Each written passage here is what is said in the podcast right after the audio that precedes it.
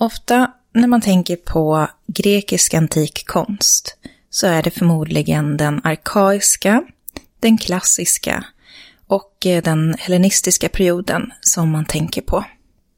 Alla dessa perioder har specifika uttryck inom konsten. Som en referens så sträcker sig den arkaiska perioden mellan 7 eller 600 före vår tidräkning till 480. Den klassiska perioden sträcker sig mellan cirka 480 till 323. Och den hellenistiska perioden sträcker sig mellan 323 till cirka 30 före vår tidräkning. Och om man ser på det från ett konsthistoriskt perspektiv så är det inte svårt att i västvärldens konst se en utveckling från i alla fall 400-talets Grekland till den romerska perioden, till renässansen och till den moderna tid vi lever i nu. Men idag ska vi ta oss lite tidigare i historien till den geometriska perioden, som är den period som följs av den arkaiska.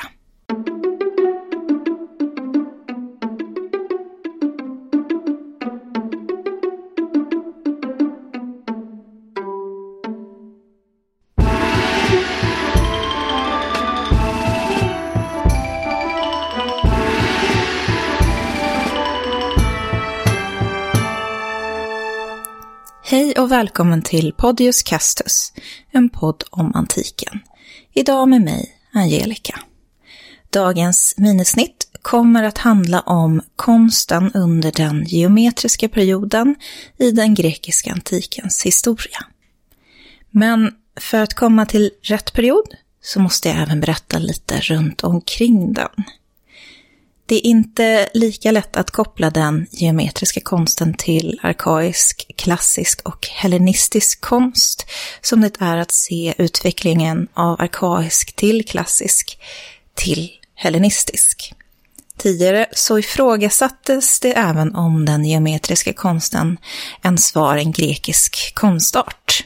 Men när väl forskare kom fram till att så var fallet så kunde de till slut koppla den till kommande konstarter. Men vi kommer dit. Jag har redan sagt att början på den arkaiska till slutet av den hellenistiska tiden är ett tidsspann på ungefär 700 eller 600 till och med 30 för vår tidräkning. Alltså cirka 600-700 år. Vi backar en aning. För inom eller överlappande med den tidiga arkaiska perioden, så finns det en stil som kallas för den orientaliserande stilen, där den grekiska konsten är mycket influerad av öst. Den varar mellan mitten av 700 till mitten av 600-talet före vår tidräkning. Men vi ska ta oss tidigare än så. Vi ska till perioden som direkt följer bronsålderns kollaps nämligen Greklands mörka århundraden, som inleds runt 1100 före vår tidräkning. Men det vi ska komma till är den senare delen av denna period, nämligen den geometriska perioden, som varar mellan cirka 900 till 700 före vår tidräkning. Det är alltså en tidsperiod på cirka 200 år. Och eftersom utveckling alltid går framåt på ett eller annat sätt så är den geometriska perioden indelad i tre underperioder med en inledande period. Vi har den protogeometriska tiden som inleds runt 1050. Sen kommer vi till den tidiga geometriska perioden, den mellangeometriska och till sist den sengeometriska. Det är en hel del eh, perioder att hålla reda på, men det som är viktigt att komma ihåg är helt enkelt att vi befinner oss i den mörka delen av Greklands historia. Med en hel del förändring i samhället direkt efter kollapsen. Och sen en utveckling som sedan skulle leda till den arkaiska tiden.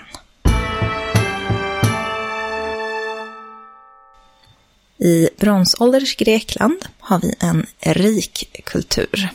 Vi har den minoiska civilisationen och den mykenska som regerar. Men sedan eh, sker det något. Ett något som mynnar ut i bronsålderns kollaps. Och om man är intresserad av att veta mer om det har vi ett avsnitt som man kan lyssna på. Det är avsnitt nummer 20 som heter Bronsålderns kollaps, ett olöst historiskt mysterium. Vad som följer är Greklands mörka århundraden, eller Dark Ages. Nu passerar vi från bronsålder till järnålder. Och varför det kallas för de mörka århundraden är bland annat för att skriftspråket försvinner och eh, kunskap om exempelvis flera hantverk inte längre finns att tillgå. Den här perioden varar mellan cirka 1100 till 800 före vår tidräkning. Samhället skulle få en ny födelse, sakta men säkert, med en början i sent 900-tal, vilket sedan tog fart under 700-talet. Just denna period, ungefär 900 till 700 före vår tidräkning, kallas, som sagt, för den geometriska perioden. Den har fått sitt namn efter keramikdekorationer. Men mer om det om en liten stund. Länken mellan den mykenska tiden och tiden efter är inte helt klar. Det finns inte mycket som binder dem arkeologiskt. Men man vet att det fanns synliga lämningar från palatskulturen. Och eh, det måste ha funnits traditioner som fördes vidare på något vis. I keramiken ser man en viss kontinuitet, men inledningsvis en stor brist i kvalitet. Och ungefär 1050, som jag sa, utvecklas den protogeometriska keramiken. Man fortsätter göra terrakottafigurer under hela denna period. De homeriska eposen, som först enbart framfördes muntligt och som skrevs ner under sent 700-tal, innehåller beskrivningar av materiella saker från bronsåldern. Och bland annat i dessa saker så kan man se den här kontinuiteten.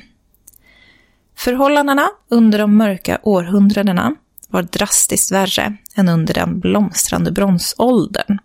Hus byggdes av till exempel lertegel och man bodde i lantliga samhällen där det var mycket osämja dem emellan. Och man ägnade inte längre sin tid åt konst och arkitektur eftersom man hade andra saker att oroa sig för. Det finns dock vissa platser som verkar haft något bättre än andra, som Lefkandi som verkar haft fjärran handelskontakter.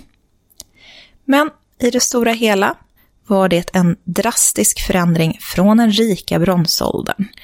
Men det la grunden för den kommande arkaiska perioden, där det vi ser som Grekland började växa fram med nya politiska regioner och en ny ordning. Vi har även framväxande helgedomar och även panhellenska helgedomar bland dem Olympia, där de olympiska spelen inleddes under 700-talet. Och befolkningen började även växa snabbt. Som jag nämnde så fortsätter skulpturer av terrakotta att produceras efter bronsåldern. Man hade inte längre kvar kunskap om hur man arbetade i sten på ett så skickligt sätt som man kunde se i Lejonporten i Mykene. Men speciellt på Kreta då, så hittar man fortfarande terrakottafigurer. De brändes som keramik och de kan lika gärna vara tillverkade av keramiker som skulptörer. Kanske ett mellanting av dessa. De gjorde mänskliga figurer, men även djur och hybridvarelser som kentaurer. Som ett exempel på den här äh, keramik och skulpturblandningen så finns det en kentaur från Lefkandi där huvud, torso och ben är gjorda eh, solida. De gjorde för hand och den horisontala cylindriska hästkroppen gjordes på en drejskiva. Senare i perioden finns det exempel på figurer i brons där formen av kroppen hade klippts ut ur en bronsplåt och bearbetats genom att hamras för att få rätt form. Och detta var alltså innan man började gjuta i metall. Det vi i huvudsak har kvar i materialväg av de mörka århundradena är keramik. I princip så finns inga textilier, inget läder eller trä kvar. Och eh, i enbart vissa fall så finns det brons eller marmorobjekt kvar, då just metall och marmor var material som kunde återanvändas. Men keramiken var i huvudsak beständig. När vi då pratade om keramiken så var en viktig plats för detta just Aten. Och många exempel av keramik från den här tiden har man funnit i Keramikos. Det är en stor gravgård som låg utanför Atens murar. Den keramiken kallas för protogeometrisk och dateras till mellan 1050 och 900 före vår tidräkning. Den stilen återfinns på andra platser också, som på Argos och Boiotien, och har då vissa variationer. Formerna av den protogeometriska keramiken kommer främst från den mykenska keramiken. Vanliga kärl var amfora för förvaring, krater för att blanda vin och vatten, oinokoe för att hälla och även olika sorters koppar. Dekorationen var begränsad till koncentriska cirklar, det är alltså cirklar i cirklar, i grupper. Även koncentriska semicirklar, eller bågar. Trianglar, paneler och eh, zigzagmönster. Speciellt cirklarna och bågarna var från början mykenska mönster och egentligen förenklade blomstermotiv som omtolkats till en ny dekorativ form. De koncentriska cirklarna ritades med eh, flera penslar, alternativt med kompass, för att de skulle bli så symmetriska som möjligt. Man har nu slutat måla på frihand. Och alla de här mönstren var symmetriskt placerade. Den geometriska stilen utvecklades efter den protogeometriska. Utvecklingen skedde efter cirka 900 för vår tidräkning. Och än en gång var Aten i centrum, följt av regionala variationer. Samma former av kärl fortsätter här att vara viktiga. Nu börjar meanderborden bli huvudsaklig dekoration. På vaserna ser vi att man börjar jobba med en del nya mönster och och utvecklar gamla. Dekorationen varierade i form och storlek och återföljdes av mönster i form av crosshatch, eller korsande uppsättningar av parallella linjer. Även av vågiga diamantformer, av fyrkanter och av trianglar. Och det blir mer ovanligt med cirklar och semicirklar. Den geometriska stilen blomstrar. Vaserna har kontinuerliga ränder runt kroppen med border. Mönstren över kroppen är avdelad i friser av linjer om tre. Och flera nya vasformer introduceras. Och man anpassar nya för att passa in i det kontinuerligt utvecklande samhället. Om man jämför med den protogeometriska så blir det under geometrisk tid viktigt att fylla hela ytan på kärlen. På den protogeometriska är dekorationen begränsad till vissa delar av kärlen. Men nu så börjar den geometriska stilen täcka hela kärl i friser, linjer och mönster samt formblock och zoner av paneler med individuella motiv i form av cirklar, svastikor eller diamantformer. Antingen lämnade de vissa ytor helt svarta eller så placerade man helt enkelt de geometriska frisarna efter varandra. Och det här gör ju kärlen oerhört pråliga. men måleriet är precis. Under 700-talet började det bli populärt att måla människor och djur, dock fortfarande i de mest geometriska former. Djuren framställdes i stiliserade, repetitiva former. De kunde vara betande hjortar, kunde vara pickande fåglar, eh, jätter som blickade framåt. Och de var avbildade i en ring runt vasens kropp tillsammans med geometriska mönster. Och det som är viktigt att komma ihåg är att de inte är avbildade som levande djur, utan snarare upprepade som mönster då. Till slut börjar även gruppen av människor komma fram i bildrummet och fokus börjar läggas på dem. Och de här människorna då, de avbildas lite som streckgubbar i siluett. Helt svarta, har långa ben, triangulära torsos och en liten klick färg som huvud, där det senare skulle läggas till ett öga. Alla mönster har eh, karaktär av vävda korgar. Och det är möjligt att de kan ha varit inspirerade av detta. Och om det är fallet så är det möjligt att dessa kärl tillverkades av kvinnor eftersom korgflätning förmodligen var ett kvinnogöra. Senare keramiktillverkning var dock ett mansyrke. Kärlen var ofta gravmarkörer och bilden som målades speglar detta. Scenerna det kan vara sörjande som sliter sig i håret vid likbåren och visar sin sorg genom sina gester. Det kan finnas eh, vagnar dragna av smala, uttänjda hästar där alla benen visas tydligt. Och på vagnen som de drar ligger likbåren med den döde. Kratrar och amforor med scener som dessa stod som sagt på graven och signalerade den dödes status samt visade de viktigaste scenerna från begravningen. Ofta så var det så att en krater användes för män och en amfora för kvinnor. Vissa scener visar på någon form av narrativ medan andra hänsyftar på en specifik händelse. Mycket spännande här är utvecklingen mot det som tolkas som mytologiska motiv. På en scengeometrisk krater från Thebe, som tillverkades i Aten, är det ett stort skepp med åror avbildat. Och eh, på det här skeppet så sitter det roddare i rader. Och det är två figurer här som är i färd att kliva på båten. Figurerna är en man som håller en kvinna runt handleden.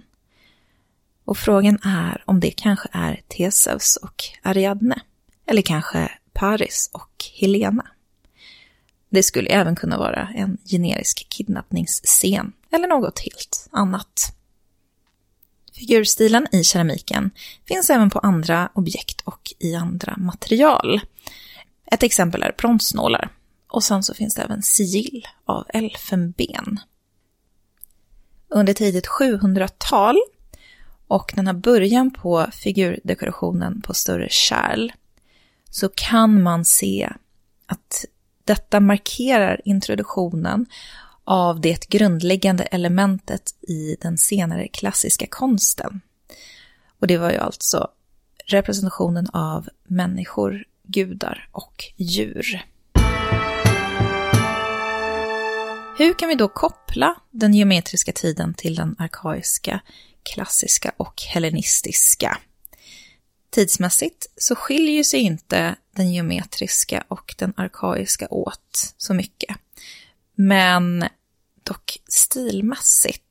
Men då har vi ju den här orientaliserande perioden som var ett resultat av en närmare kontakt mellan Grekland och öst, vilket berikade den keramiska konsten med nya motiv såsom eh, lejon, pantrar, fantasidjur, rosetter, palmetter, lotusblommor och så vidare. Tidiga statyer av den arkaiska stilen har en hel del karaktärsdrag från öst, men en tendens att porträttera statyer mer naturalistiskt växte snart fram. Man kan även komma ihåg att den arkaiska perioden var en period med väldigt mycket förändring inom den grekiska världen. Och då är det inte konstigt att även konsten tar sig ett annat, mer personligt uttryck och har en distinkt utveckling. Detta var en liten inblick i den spännande tid av utveckling som ändå följde kollapsen av det högst utvecklade samhället under bronsåldern. Det är ju fascinerande att närma sig en tid som ändå är så främmande för oss, just på grund av att skriftspråket inte längre finns. Men man kan se det som en nystart, ett uppbrott från tidigare traditioner och en möjlighet att föra utvecklingen framåt. Tack för att du har lyssnat på mig idag. Vill du komma i kontakt med oss så finns vi på Facebook och Instagram och på podiuscastus.gmail.com. Och detta var det sista som vi släpper för den här våren. Och vi tar nu ett litet uppehåll för sommaren.